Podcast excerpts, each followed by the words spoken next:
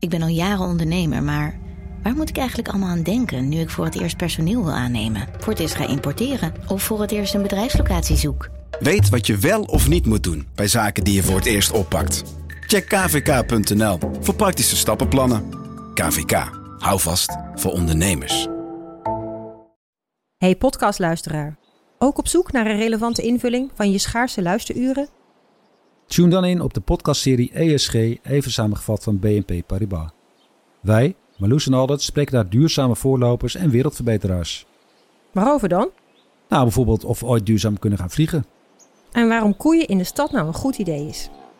Dat en meer elke twee weken in een nieuwe aflevering. Dus abonneer je. ESG, even samengevat.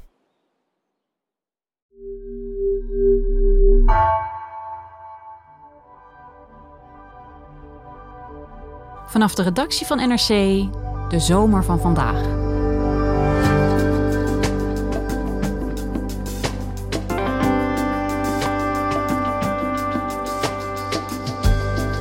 Het leven begint weer op gang te komen in Valkenburg. Er staat weer een rij voor de kabelbaan en de terrassen zitten vol.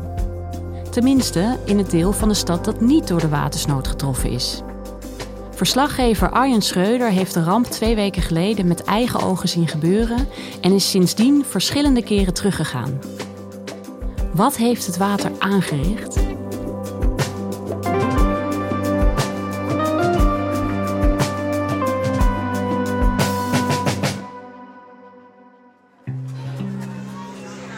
Het is woensdagavond.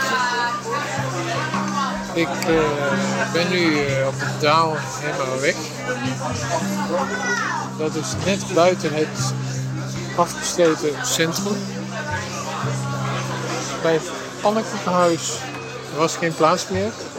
Daarom was het de hele dag ontzettend druk geweest.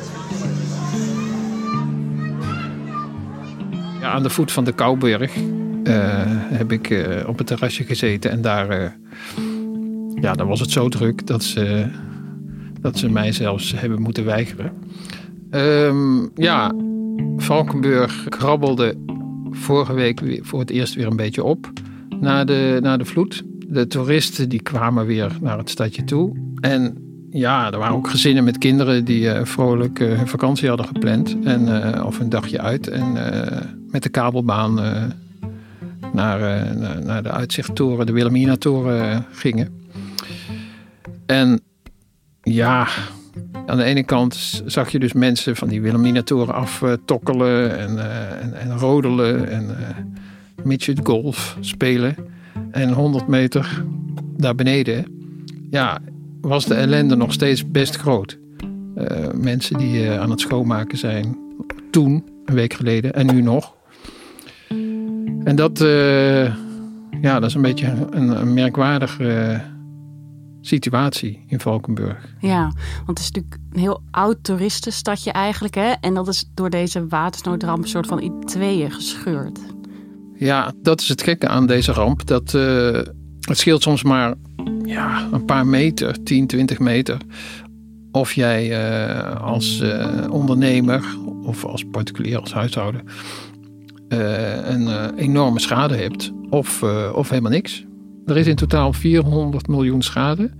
Er zijn 2000 mensen geëvacueerd. En ja, ik geloof dat het een week geleden was dat de burgemeester vertelde dat er 700 woningen nog onbewoonbaar zijn.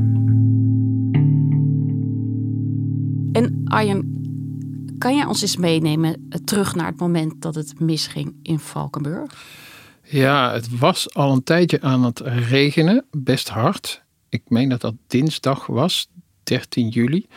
Woensdagochtend ben ik zelf eh, naar eh, Zuid-Limburg afgereisd voor de krant. En toen viel het in Valkenburg nog mee, zo leek het. En in de loop van de avond werd het steeds erger.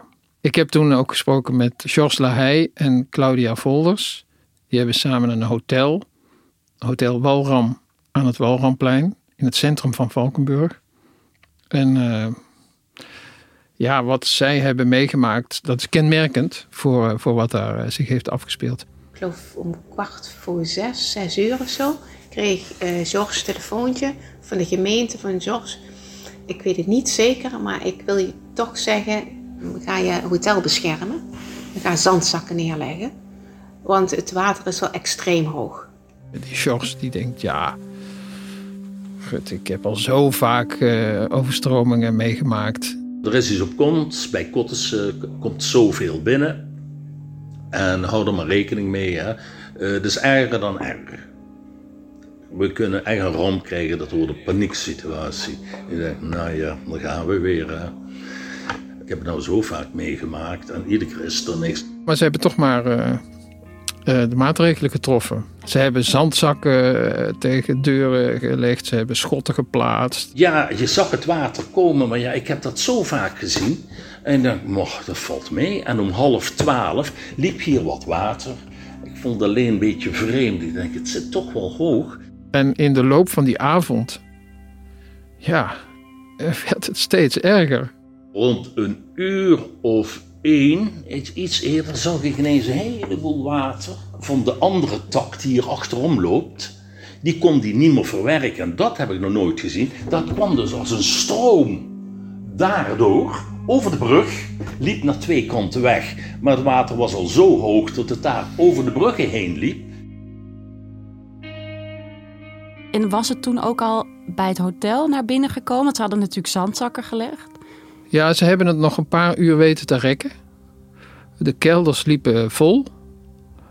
Maar uh, de begane grond uh, was nog droog. Ik meen tot een uur of 11, 12 s'avonds, nachts.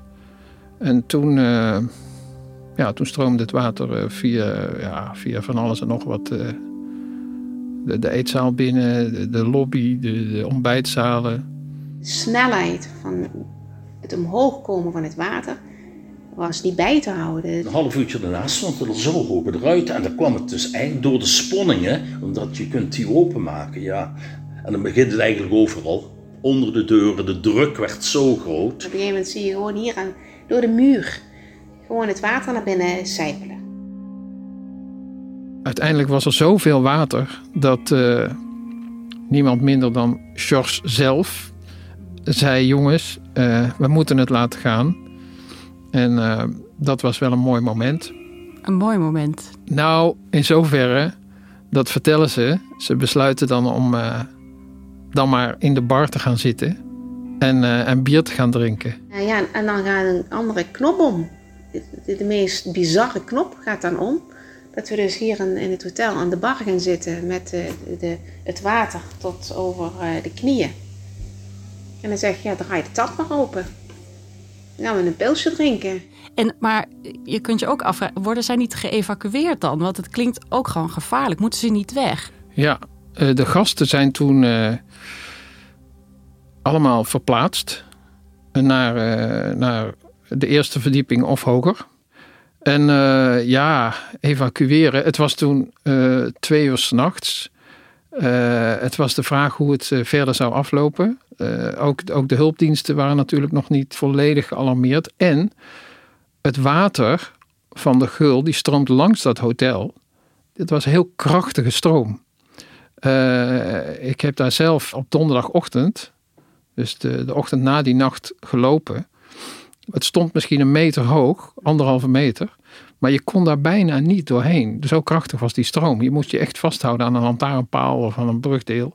En zo was dat ook uh, voor, voor dat hotel. Hulpdiensten konden niet makkelijk bij dat hotel komen. Dus ze waren eigenlijk op zichzelf aangewezen. En hoe, hoe ging dat verder dan?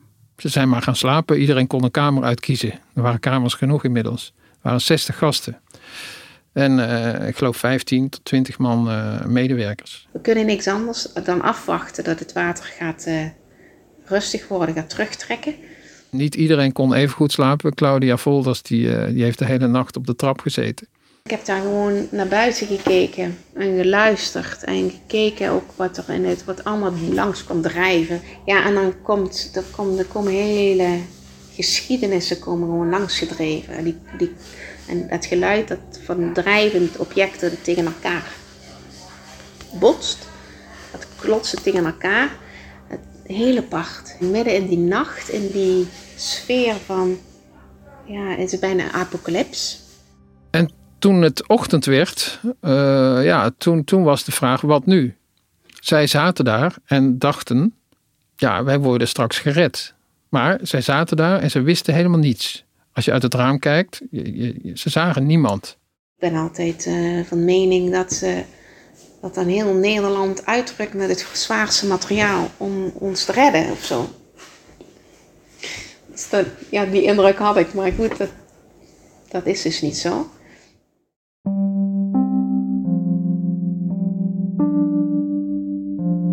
Ze hadden de gemeente gebeld en de gemeente, ja, die, die, die zei ja, we gaan het proberen. En toen gingen ze weer in overleg en toen was, was er na een uur nog steeds geen antwoord. En vervolgens zijn ze gaan denken, ja, we gaan zelf maar iets verzinnen. En uh, bleek er een, uh, de vriend van een, een van de receptionisten, die bleek uh, boer te zijn. die is met zijn tractor en een boerenkar daarachter naar Valkenburg gereden. En heeft zijn tractor daar voor de ingang van het hotel geplaatst. Hoe verliep die evacuatie? Ging iedereen bijvoorbeeld gewoon mee? Ja, er is in drie etappes heeft die boer de mensen naar een hoger gelegen bowlingbaan gebracht. En uh, bij de laatste groep zat ook uh, het gezin van de eigenaren van het hotel. En iedereen zat in de kar, behalve de eigenaar zelf, Georges Lahey. En zijn vrouw Claudia, die zat al in die boerenkar. Dus die werd, ja, zij zegt zelf, ik raakte in paniek. Hij wilde niet mee. En Georges, die, die stond in het raam als laatste. En die zei, ga maar. Die kunnen gaan. En, en toen dacht ik, ja, tuurlijk, ja, de kapitein verlaat niet zijn schip. Ik wilde niet gaan. Waarom weet ik niet. Uh, ik heb naderhand ook gedacht, wat verslaat dit nu op, George? Wat, wat, wat heb je daar gedaan? Ik zeg, nee, ik blijf hier. Ik voelde gewoon, ik moest blijven. toen ben ik eigenlijk in paniek geraakt en toen heb ik geschreven tegen George, je moet meekomen, je moet meekomen. Uiteindelijk zijn ze allemaal uh, in die kar gestapt en vervolgens, ja, die paar minuten die die... Uh, reis duurde in die kar. Ja, dat vinden ze een hele rare rit geweest. Omdat zij een hele nacht in totale eenzaamheid hebben doorgebracht. In het, in het idee dat heel Valkenburg was verlaten. Dat iedereen uh, weg was. En, voor, en, en ja, zij rijden 50 meter. We kwamen daar aan. Het was daar bij de weg, de grote weg. En dan stond daar een heel konvooi met leger en politiebussen en brandweer. En er stonden dan een stuk of vijf, zes brandweermensen aan de kant van de straat op een rijtje met een telefoon te filmen hoe wij aankwamen. Terwijl wij onszelf hadden moeten evacueren. En uh, dat, uh, dat heeft hen wel uh, ja, getroffen, pijn gedaan. Absurde situatie vonden ze het.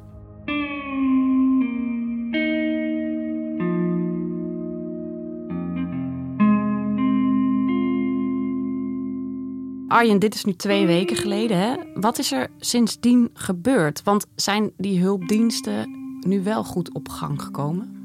Het ging toen om het redden van mensen. Maar het is toen in één dag, vrijdagochtend, was eigenlijk vrijwel alles al droog.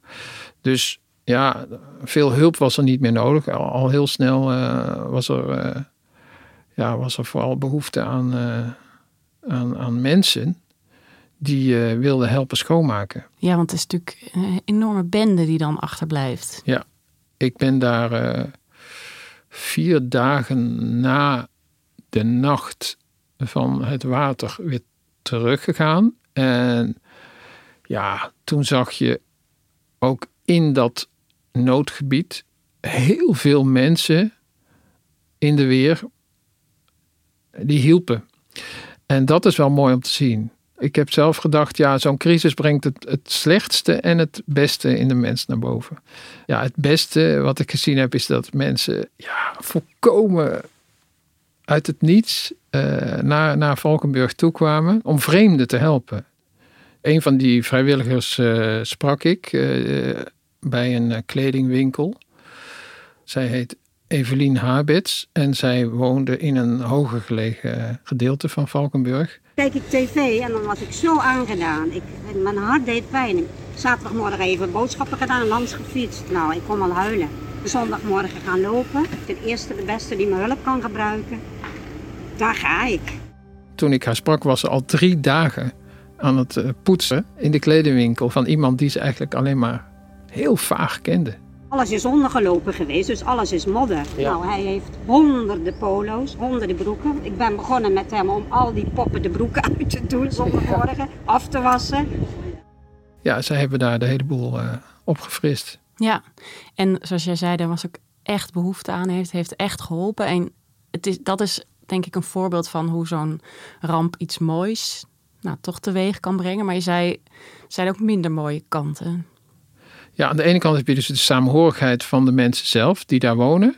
En zelfs van de mensen die daar ver vandaan woonden. Maar ja, je hebt ook, en dat was vooral de ochtend toen de straten in ieder geval weer droog waren. Toen had je een aantal mensen die eh, met hun aanhangwagentjes eh, langs kwamen rijden om eh, te kijken of er nog iets te halen viel. Het waren er gelukkig niet zoveel, maar het was toch genoeg voor sommige mensen om zelfs een burgerwacht te gaan instellen. Maar er waren een aantal mannen, ik geloof tien, tien mensen, die, eh, die besloten een roostertje te maken. En eh, vanaf 11 uur tot eh 6 uur s morgens, geloof ik, in groepjes van twee, die wijk zijn doorgebanjerd. Oké, het is 11 uur. Dit is het Berkelplein. Het is stil. Ik loop de Oosterbeekstraat in, de burgerwacht zo meteen gaat beginnen met lopen. Ja, met die burgerwacht ben ik eh rondes gaan maken door die wijk. En eh, vooral in eh, de brandgangen, bij de achtertuinen. Ja, hier kun je nog zien dat echt die, die deuren geïmplodeerd zijn door de waterdruk. Hè. die zijn gewoon totaal naar binnen geduwd. Oh ja, hier woonde die mevrouw. Ja, daar ook. hè. Ja. Sommigen niet. En dit zijn de garages? Dit of- zijn de garages, ja. Ja. Het water heeft er aan de raampjes gestaan. Ja, ja, ja, ja. Dus die, die huizen stonden leeg. En eh, er is één buurt in Valkenburg waar mensen toch bang waren. Waar heel veel overlast was geweest. eh, dat er zou worden ingebroken, geplunderd.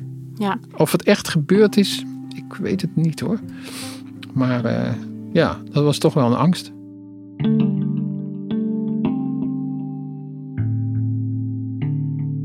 Hoe kijken de inwoners van Valkenburg nou naar de toekomst als er vaker hoogwater eh, wordt verwacht? Zijn er plannen om dit te voorkomen? Dit is wel het moment waarop, eh, ja, waarop er ingegrepen moet worden, vindt iedereen. Maar ja, wat kan er gebeuren? Eh, kijk, aan de ene kant heb je de Maas. Er is heel veel vertimmerd aan de Maas. Alleen die beken en die, eh, die, die kleinere riviertjes in het Heuvelland zelf, ja, daar, daar zul je andere dingen voor moeten verzinnen. En daar was het waterschap al mee begonnen. Die hebben, eh, die hebben buffers in, eh, aangelegd, dus, dus, dus weilanden waar het water eh, kan worden opgevangen. Daar zijn dus al veel maatregelen genomen. Maar dat moeten er veel meer worden. En niet alleen in Nederland, want ja, al dat water, dat komt toch ook uit België en uit Duitsland. Dus waar die, eh, waar die watermanagers eh, vooral op hameren, is eh, internationale samenwerking. En dan is altijd de vraag, tot welk niveau moet je mensen beschermen? Ik sprak een van die watermanagers, een, een, hoogleraar Frans Klein uit Delft, specialist rivierbeheer. En die zegt, je kunt maatregelen nemen wat je wil, maar wat je misschien ook moet doen is wegblijven uit gebieden waar het, een overstroming kan plaatsvinden. In Valkenburg is dat natuurlijk heel lastig. Dat is wat eh Georges Lahey, die hoteleigenaar, mij vertelde. Ja, er zitten hier honderden jaren, staan hier deze gebouwen. Eh, en loopt die geul langs de stadswallen waar zijn hotel aan grenst. Moeten we dan ineens deze gebouwen gaan afbreken? Zij willen eh, toch doorgaan. George die zei op een gegeven moment tegen mij: Ja, dit is zo'n grote ramp dat wij niet in de steek zullen worden gelaten. Dit kan niet zonder eh, gevolgen blijven. Ik heb innerlijk het gevoel dat het ook goed komt. Het kan niet anders. En die financiering die komt dan wel. Maar daar ga ik gewoon vanuit. Dus hij denkt dat hij met steun van Nederland toch weer op de been zal komen. In mijn hoofd zeg ik, ik bouw dit weer op. Hè. Eh, ik laat me niet klein krijgen. Dankjewel, Arjen. Tot je dienst.